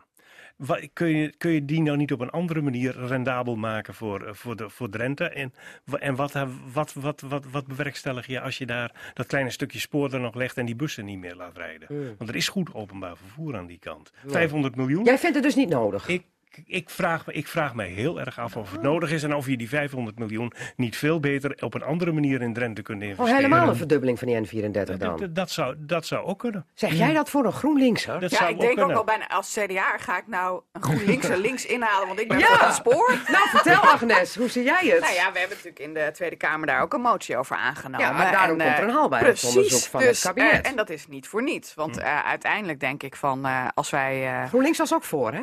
Ja, ja, maar het is gewoon goed. Even opletten. Nee, maar ik snap Jaap ook wel. Je moet natuurlijk altijd heel eh, goed met je overheidsgeld omgaan. Hè? Eh, want dat brengen wij met z'n allen bij elkaar. En dat kan je maar één keer uitgeven. Dus daar moeten we verstandig mee omgaan. Dus als uiteindelijk uit al die haalbaarheidsstudies blijkt... van nou, dit moet je gewoon toch absoluut niet doen... Ja, dan eh, zou het ook raar zijn als we dan gaan zeggen... ja, maar het moet dan toch. Hè? Dus ik vind, als je zo'n studie vraagt... dan moet je dat ook gewoon eerlijk Ja, willen maar- maar- bekijken. maar eens- ik vind ten principale wel... dat alles wat je kan doen via het spoor en ook die internationale spoorverbindingen, die moeten wij wel gaan oplussen. Want eh, we zien met vliegverkeer dat het toch allemaal ingewikkeld is. Dus, en dit is altijd eh, qua CO2-besparing de beste optie. Dus als ik dan denk van nou, als we daar meters in kunnen maken, dan zou ik daar eh, wel voor zijn. En dan nog de waterstoftrein, hè? Ja. Nou ja. Ja, dat is allemaal wat meer lange termijn. hè, Allemaal dat gemur waterstof. daar in die hoek daar bij Jaap van Haan. Nou, ja. Ja, nee, maar, ik, maar, nee, maar ik, er zijn, die 500 miljoen kan ook op een andere manier in Drenthe een hele grote invloed. Je kunt maar één keer uitgeven. Jawel, maar Dat we is zitten nou punt. ook weer te denken aan die eh Lelystadlijn. Hè. We hebben Ja, dat destijds afgekocht en daar hebben we eh, best wel mooie projecten voor Langman gedaan. miljarden. Ja, maar eh, toch hebben we eigenlijk nog steeds behoefte gewoon aan die Ja. spoorlijn. Dus dat kan je dan maar gewoon beter doorzetten. En dan weet je dat het geld kost, maar zorg dat we hem dan ook gaan krijgen. Maar is het vooral nu de discussie of we allemaal het vliegtuig moeten laten staan? En, allemaal met de trein moeten in Europa bijvoorbeeld? Het moet een alternatief kunnen zijn. Want ik mocht zelf naar de klimaattop gaan. Nou, daar hadden wij met de trein naartoe willen gaan. Helaas staakten de mensen in Frankrijk. Waardoor, ja, het grootste stuk ging toch door Frankrijk richting Madrid. Waardoor wij daar niet naartoe konden. Maar ik, eh, dat was best een lange reis. En eh daar kun je best wel kijken van, kan je daar wat meer eh, nog in betekenen? En is die concurrentie van spoor en vliegen wel eerlijk ten opzichte van elkaar? En worden alle kosten ook wel in rekening Maar Sjoerd, wat vind je nou zelf? En dan ga je een beetje af, een stop bij Borger. Kunnen ze zo binnenwippen bij het CIVO? Nou, ik zie wel wat beren op het spoor. Eh, er wordt even volgens mij helemaal voorbij gegaan aan het feit dat er nog een star is in Stadskanaal. Die daar ook nog willen rijden. Nou, dat gaat Je natuurlijk bedoelt de passen. museumspoorlijn. Ja, maar het gaat wel over hetzelfde spoor. Ja. Er komen twee stations naast elkaar, heb ik begrepen dan straks. Eh, Ja. Dus ik zie hier nog een nieuwe spoorlijn ontstaan tussen Stadskanaal en Gieten. Oh, De Nog meer spoor. De museumspoorlijn terug. ja, oké. Maar goed, we hebben het nu even over de echte spoorlijn voor de echte mensen. Nou ja, niet eh, voor de historische Ja, is, is liefhebbers het mensen die... of is het ook goederen vooral? Eh, mensen en goederen. Ja. Goederen is voor eh, Ja. ons ook een belangrijk hoor. Want Ja, zeker als we met de dan toch positie over van economische ontwikkeling hebben. Ja, absoluut. Ja, ja, En eh, mijn collega Mustafa Amhaus heeft ook in de Tweede Kamer gepleit voor eh, een, een, een, een top tussen Nederland en Duitsland ook. Om te kijken van Hm. hoe kunnen we nou die spoorverbindingen, in ieder geval tussen onze eh, drie landen, gewoon verbeteren. Oké. Maar goed, er zijn dat me mensen al die nu belangrijke winst als we daar... druk over het aantal, aantal keren dat zo'n trein stil gaat staan. Hè? Want iedere keer als hij stopt, komt er fijnstof vrij. Jawel. Ja, Oh, dat moet je mee, eh, af- in je afwegingen meenemen. Goed, ik ga een eh, lesje maken, dames en heren. Want ik ben het spoor zo langzamerhand bijster. Ik zou trouwens ook niet weten wanneer ik voor het laatst in de trein heb gezeten. Tienertour, denk ik. Eh, nee, daar deed ik nooit aan mee. Maar goed, eh, nee, ja, Amsterdam is een keer volgens mij de laatste rit... of een keer naar Den Haag, naar de Tweede Kamer. Maar dat was het dan ook wel. Eh, als we nou moeten gaan kiezen, hè, of een hele een dondersnelle trein over bestaanspoor naar eh, Amsterdam. Met een stop in Assen, want anders hebben we er in Drenthe niks aan. Dat is nummer één. Eh, de Lelylijn is nummer twee. Of de Neder-Saxenlijn. Wat scoort dan voor jou het beste? Dat zou voor mij de Lelylijn veel, eh, veel, veel beter zijn. Daar heb je in Meppel helemaal niks aan, man. Nee, maar wij hebben een goede verbinding. We Ja. bedoel, Oh. Je stapt in Meppel op de trein en je bent twee andere, een uur en drie kwartier later sta je Het duurt veel te lang, moet sneller. Nee, dat hoeft Oké, helemaal niet. Is Lelylijn. Wat zegt Agnes? Nou, ik denk ook eh, dat de Lelylijn voor ons heel veel eh, kan betekenen. Ook voor eh, Drenthe. Dus eh, vlak dat niet uit. Maar ik wil ook graag in, gewoon hier in Assen dat we hier op, het, eh, op de Ja. trein kunnen blijven Nee, stappen. de En- Lelylijn komt niet in Nou Assen. Nee, dat weet ik wel. Maar dus die andere Jij kiest verbinding voor de. Lelylijn. Ja, nee, goed maar zijn. wat is het belangrijkste voor je? Nou, ik denk dat wij die Lelylijn voor heel Noord-Nederland hard nodig hebben. Ik kies voor de snelheid, dus midden door. Midden door. Ja. Dus gewoon een hele snelle niet, trein. anders krijg je de mensen niet uit de auto, denk ik. Oké. Goed, ehm, eh, ehm, eh, dan eh, wordt er ook trouwens nog gesproken door de vijf grote steden, de Big Five. Hè, dat er dan een spoorverbinding tussen Scandinavië en Amsterdam moet komen. Op de Europese agenda moet dat komen. En dan ligt dat stukje Lelylijnspoor er wel tussen. Hmm. Dus als het er dan toch moet komen, dan zou je misschien in Europa kunnen aankloppen voor een heleboel geld. Als dat iedereen zo belangrijk vindt, internationale verbinding. Nou, dat is binnen Europa natuurlijk, eh, dat, Ja. dat is aan de orde. Hè? Ja. Niet, niet, alleen, niet alleen naar Scandinavië, maar naar alle grote steden. Ja. Eh, snelle verbindingen. Dat maar dan kun je het vliegtuig laten staan. Nee, maar de- de- we moeten ophouden binnen Europa te vliegen. Dat is, dat, eh, intercontinentaal zul je dat ze nu en dan wel moeten. Wij, wij hadden een groep uit Oekraïne vorig jaar in Orvelte. Die kwamen met de Euroliner, met de bussen gewoon. Hè. Mhm. Niet, en dat was niet vanwege milieu. De Euroliner is een bus, hè? Ja, Niet een van de spoor. vele bussenlijnen die door heel Europa Ja, rijden. Flixbussen zijn er tegenwoordig. Ja, ja, ja. En dat beviel goed. En Het dat ging beviel snel. uitstekend, ja. Het was goedkoop, het ging snel en ze hadden ook het idee dat het gewoon veel comfortabeler was. Ik dan ben nooit met een bus naar Spanje geweest. Nou, ik vond het geen Het is een- aanrader op Dat is vakantie. een heel eind. Agnes? Ja, dus, maar iedereen heeft ook weer verschillende portemonnees. Dus je moet voor, alle, voor, voor iedereen eh, de mogelijkheid hebben om, eh, om die mobiliteit ook te hebben. Goed. Top Dutch nog even. Ehm, toch wel een bizarre ontwikkeling. Eh, Top Dutch hè, was de, iedereen met een groene bril en een internationale campagne om Tesla hier naartoe te krijgen. Er is 1,2 miljoen euro ingestoken omdat de provincies dachten van dat kan ons aardig wat bedrijvigheid opleveren, wat banen. En uiteindelijk moet nu bekeken worden wat het rendement is geweest. Alleen, nu was er een onderzoeksopdracht gegeven aan het bureau Berenschot om dat eens even goed op een rijtje te zetten. Maar wat blijkt nou? Gerard de Boer, ehm, eh, eigenaar van het reclamebureau Initio, heeft heel wat klusjes gedaan voor eh Berenschot. Die was spreker, gastspreker hier, gastspreker daar. 750 euro euro hier, 750 euro daar. En diezelfde Berenschot, waar dus de Boer dus ook eh, als gastspreker voor optreedt, die gaat dan Top Dutch onderzoeken. Dan denk ik gewoon als domme Drent, Beetje Ja. ongelukkig. beetje ongelukkig. Ja. Ja, wat zeg jij dan, Sjoerd? Nou, een beetje ongelukkig, denk ja. ik. Ja. Ja. Maar is ik het niet iets meer dan een beetje ongelukkig? Media. Ik heb ook gelezen dat ze mensen eh, beschreven als eh, een soort marketingmafia. Dat vind ik wel weer heel ver gaan hoor. Maar eh, zo werkt het natuurlijk wel in de grote boze wereld van de marketing. Ja, omschrijf hoezo marketingmafia? Nou, de manier waarop dit aangepakt is. Ik bedoel, als je het ook niet van tevoren heel goed aangeeft wat nou je doelen zijn. Als het alleen maar Tesla is. Maar volgens mij hebben we het over vijf jaar, toch? Ja, ja. En nu moet er al bekeken worden of het er wat opgeleverd heeft. Ja, nou ja, maar ze willen graag weten wat er toch met die 1,2 miljoen euro is gebeurd. Maar het gaat me nu even over een, eh, drie provincies die met droge ogen Berenschot een opdracht geven. En dat dan eh, uitkomt dat eh, Ge- Ge- Gerard de Boer klussen doet voor Berenschot. En dan zeggen de provincies, ja, eigenlijk vinden we het zelf niet zo erg, maar de media zitten er heel erg bovenop. Hm. Nou, je hebt gewoon enorm de schijn tegen natuurlijk. Ja, En als je dat hebt dan, eh, en, je, en je wil dat er een onafhankelijk onderzoek komt. En je wil gewoon dat er eh, eerlijk wordt gekeken van hoe is het allemaal gegaan. En eh, dat je kan benoemen wat goed ging en ook wat niet goed ging. Ja, dan, dan heb je dus nu al de schijn tegen. ja. En dan, wat ga je dan nog doen met de uitkomst van het rapport als iedereen Ja. al op zo'n Dus manier terecht kijkt? stopgezet. Lijkt mij wel. Maar ja. vind je de argumentatie wel voldoende helder? Want ik heb zelf het idee, is er wel zelfreinigend vermogen, Jaap van der Haar? Want als ik dan al lees ook, dat ze zeggen van... Ja, we, hebben het ook, we vinden het zelf eigenlijk helemaal niet zo erg. Maar de media zaten er heel erg bovenop. Ja. Wat denk jij dan? Ja, we willen, we willen wel graag onze aflaat kopen door het, eh, door, door het onderzoek. En misschien moeten we het wel eens een keer breder trekken. Er is, jij, noemt het net, je noemt het net het market- marketingmafia. Kijk, er gaan natuurlijk toch wel steeds meer stemmen op van dit is ook gewoon business. En hier betalen gemeentes, provincies, betalen hier aan mee. En eh, die marketingbureaus die verdienen daar gewoon goed geld aan. Ik denk dat je wel eens breder op een rij mag gaan zetten van dit soort initiatieven, verkoop, promotie in het buitenland van wat Drenthe is of wat het noorden van Nederland is. Bewerkstelligt het er echt wat? Heeft het, eh, Ja, komt, er, ja. komt er echt wat uit? Of verdienen alleen die bureaus daar dikke Maar mijn hamvraag is vooral aan deze Casata-tafel. Hebben jullie nou het idee dat de provincies Drenthe, Groningen en Friesland...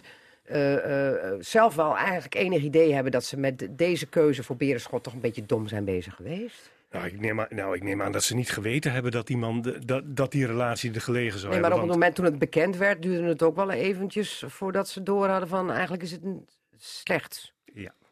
Ja, toch? ja. Jij lacht er nou om. Ja, nee, maar... Eigenlijk is het triest. Maar Ja, hoe nee, nu verder dan? Hoe nu verder? Nou, er hebt komt een nieuwe... dat, het, dat, het, dat er veel te Nou ja, langzaam als je de schijn tegen hebt, dan Ja. moet je gewoon Moet je met- handelen. en het is uiteindelijk goed dat er gehandeld is. Oké. Ja. Oké. Ja. En of dat vol- volgens de juiste argumentatie gaat, dus zullen we het daar daar maar niet meer over Mhm. hebben. Want ik moet daar eigenlijk wel een beetje van huilen. Nou, maar dat dan. snap Nou, ik maar daar heb wel. je ook wel gelijk. Ja, Ja. gelukkig. Eh, even tot slot de onderwijsstaking, want de tijd zit erop voor forumleden. Twee dagen komende week. Vierde keer al inmiddels, hè? Ja. Eh, Is er nog wel begrip voor de onderwijsstaking? Volgens mij wel. De, Ja? de m- meerderheid van de ouders vindt het nog steeds terecht dat het gebeurt. Zolang jullie? er geen structurele oplossingen zijn, blijven we structureel staken. Oké, nou, het gaat om de kwaliteit van het onderwijs, Ja. wordt er gezegd. Wat zeg jij, Ik denk dat er onder ouders nog steeds heel veel begrip is hoor. Ja. En eh, eh, ja, daar gaan de kinderen naartoe. Dus je wil ook gewoon dat, dat, dat er goed voor ze gezorgd wordt en dat ze wat leren. En, eh, Terecht, want jij bent Kamerlid. Je ja. kunt ervoor zorgen dat het op de agenda nou komt. ja, Structureel gelukkig geld. is er, een, eh, eh, is er een goede CAO afgesloten. Hè. En ze hebben toch besloten om de staking door te laten gaan. Om ook aandacht eh, voor het onderwijs eh, te vragen. En ik snap dat wel dat ze dat doen.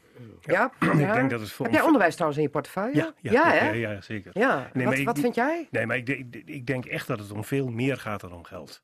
Ja. Want, want eh, die, CAO, die, is- die CAO die nu afgesloten is, is goed. Maar er is in het onderwijs zit, is, is er veel meer aan de hand. En, voor, en daar komt ook een heel stuk van die onvrede uit. Dat wordt, genoemd, dat wordt benoemd als werkdruk. Maar eh, de, de, de, de Ze maken zich zorgen om de kwaliteit van het onderwijs. precies. En daar moeten we volgens mij veel meer bij de pedagoog zelf neerleggen en bij de politiek weghalen. De politiek moet faciliteren. En de, de, de, de, de, pedagoog, de, de opvoeder, die moet een veel prom- prominentere rol daar krijgen. Dat hij, zichzelf, dat hij weer een echt beroep heeft. Dat hij zichzelf ook mag manifesteren. Dat denk ik is heel belangrijk.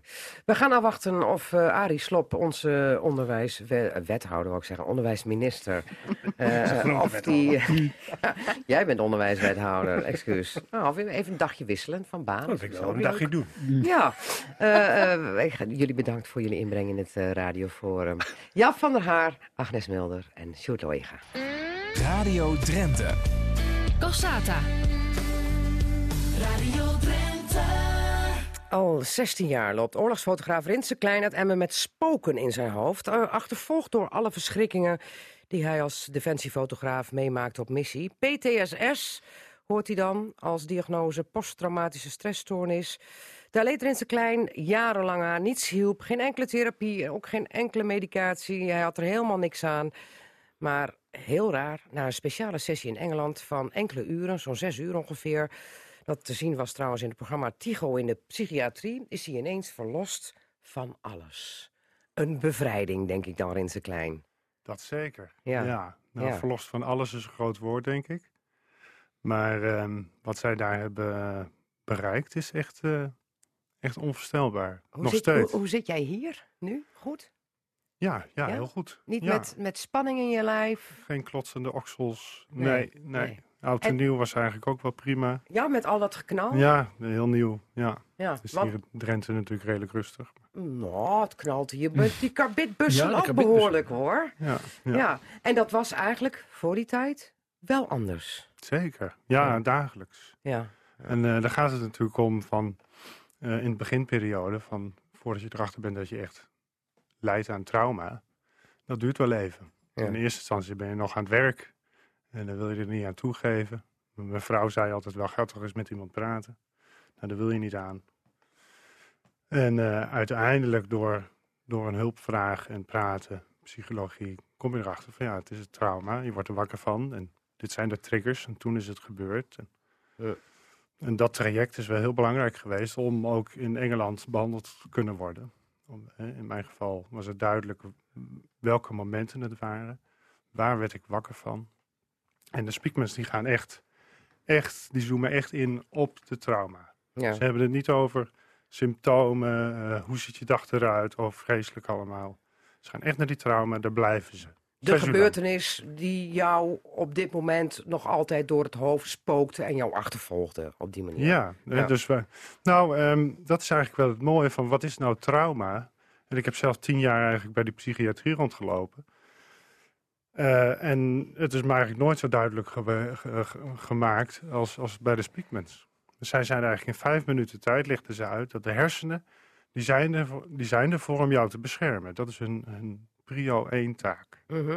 Als je dan eh, een heftige gebeurtenissen meemaakt eh, en je bent zelf ook wel filosofisch ingesteld, ehm, dan kan dat als een, een trauma in je hersenen geprogrammeerd worden. Ja, dat blijft daar hangen. en natuurlijk hangen. ben je als fotograaf visueel ingesteld. Ook dat zeker. Ja. Ja, ja, ja. En, ehm, en, en, en dan eh, ja, in de toekomst, alles wat met die, met die situatie te maken had, dat, daar zal je aan, aan herinnerd worden. Dus Ja. je gaat een enorm scherp leven en alles komt binnen. ja, ja, ja. Echt alles. En allerlei zaken eh, die jij dan tegenkomt in het dagelijks leven. We gaan er straks trouwens uitgebreid verder over praten. Die herinneren jou dan weer aan dat moment waardoor jij dat trauma, zeg maar, Ook. opliep. Ja, ook. Hè, met beelden, met gevoelens, met hartkloppingen, zweten. Ja. Ehm, maar eh, het zet je ook op scherp, want ja, je denkt dat je in gevaar bent. Ja, Zo is het eigenlijk.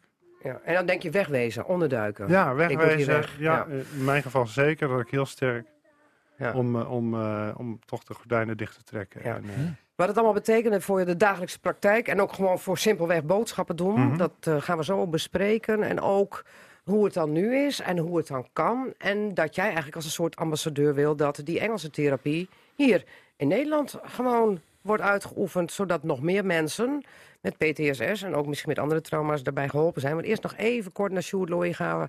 Tafelgast vandaag in Casata vanwege het feit dat het SIFO in Borgen neerstrijkt. Tussen de hunebedden, nee dat zeg je eigenlijk verkeerd, hè, op de Hoofdstraat. Maar misschien ook nog wel met een speciaal evenement bij de hunebedden.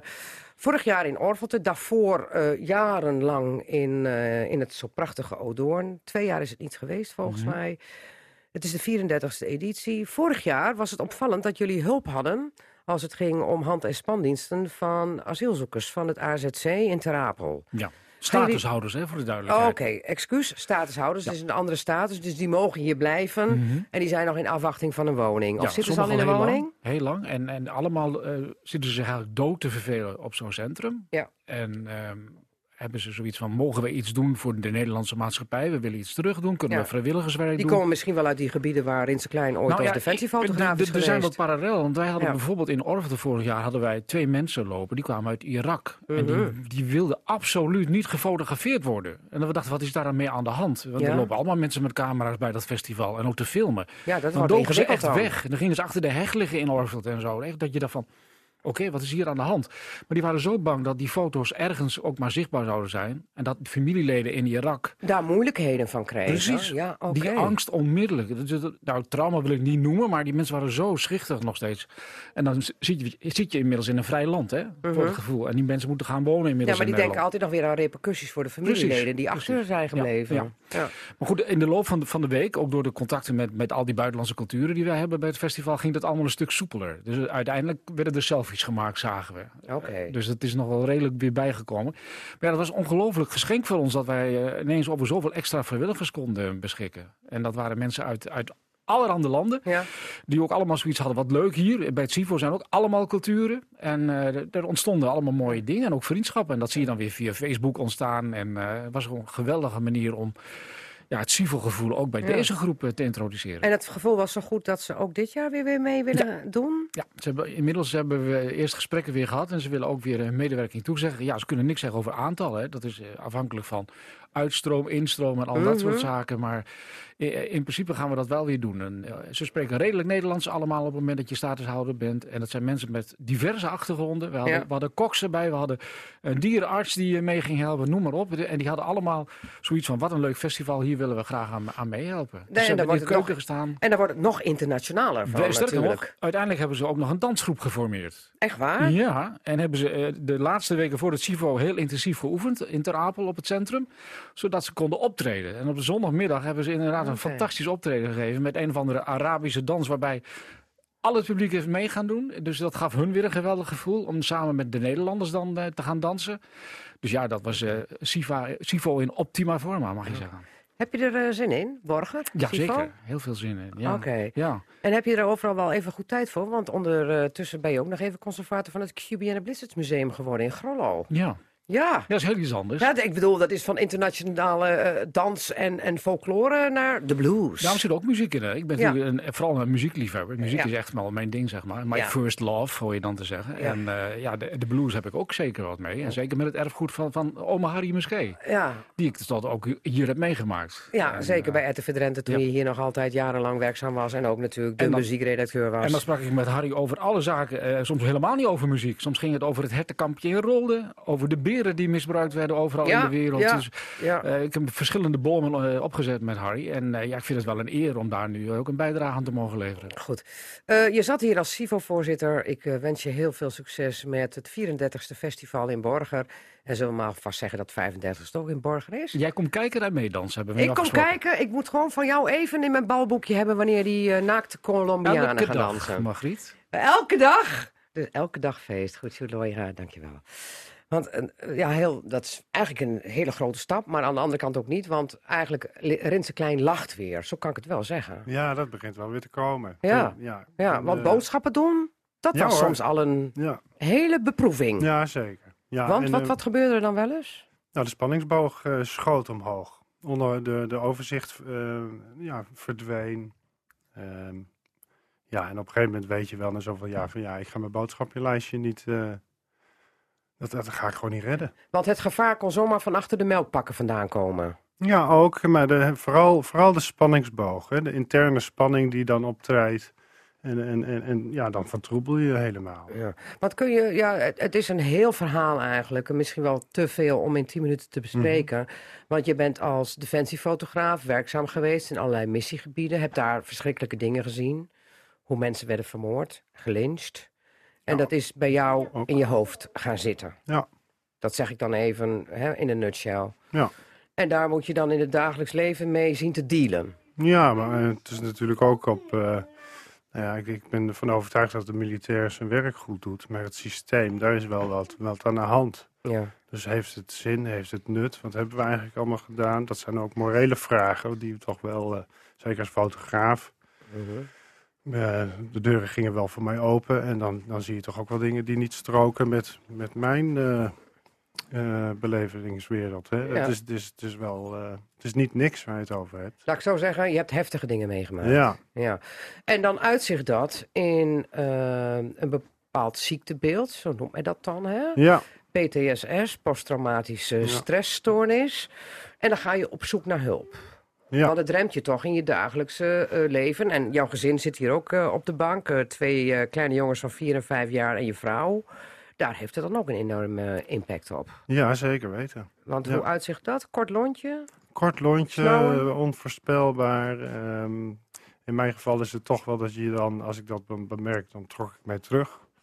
Ehm, en ik wil ook niet dat, dat mensen het, het, het in door hebben. Dus dan, ja, dan ga je het toch verbloemen. En ja, dat soort dingen. Dus je moest je verschuilen. Verschuilen En je voor was ook niet die leuke vader die je eigenlijk graag wilde zijn voor je kinderen. Nou, Soms niet. soms niet. Daar, daar, nou, daar is de angst voor. Ja. We we hebben er heel hard aan gewerkt om dat onder controle te houden. En ik heb eh, toch een tien jaar geleden heb ik de medicatie in de banden gegooid. En dat heeft toch wel mijn leven gered, vind ik. Ja, Bij, ja. In het programma van Tigo in de psychiatrie hebben we toch gehoord dat er iets van 200 verschillende soorten medicatie is voor depressie, PTSS, trauma. Ehm, en ik zie in mijn veteranenkringen dat dat, eh, ja, dat kan helpen. En Ja, dat kan goed uitkomen voor iemand.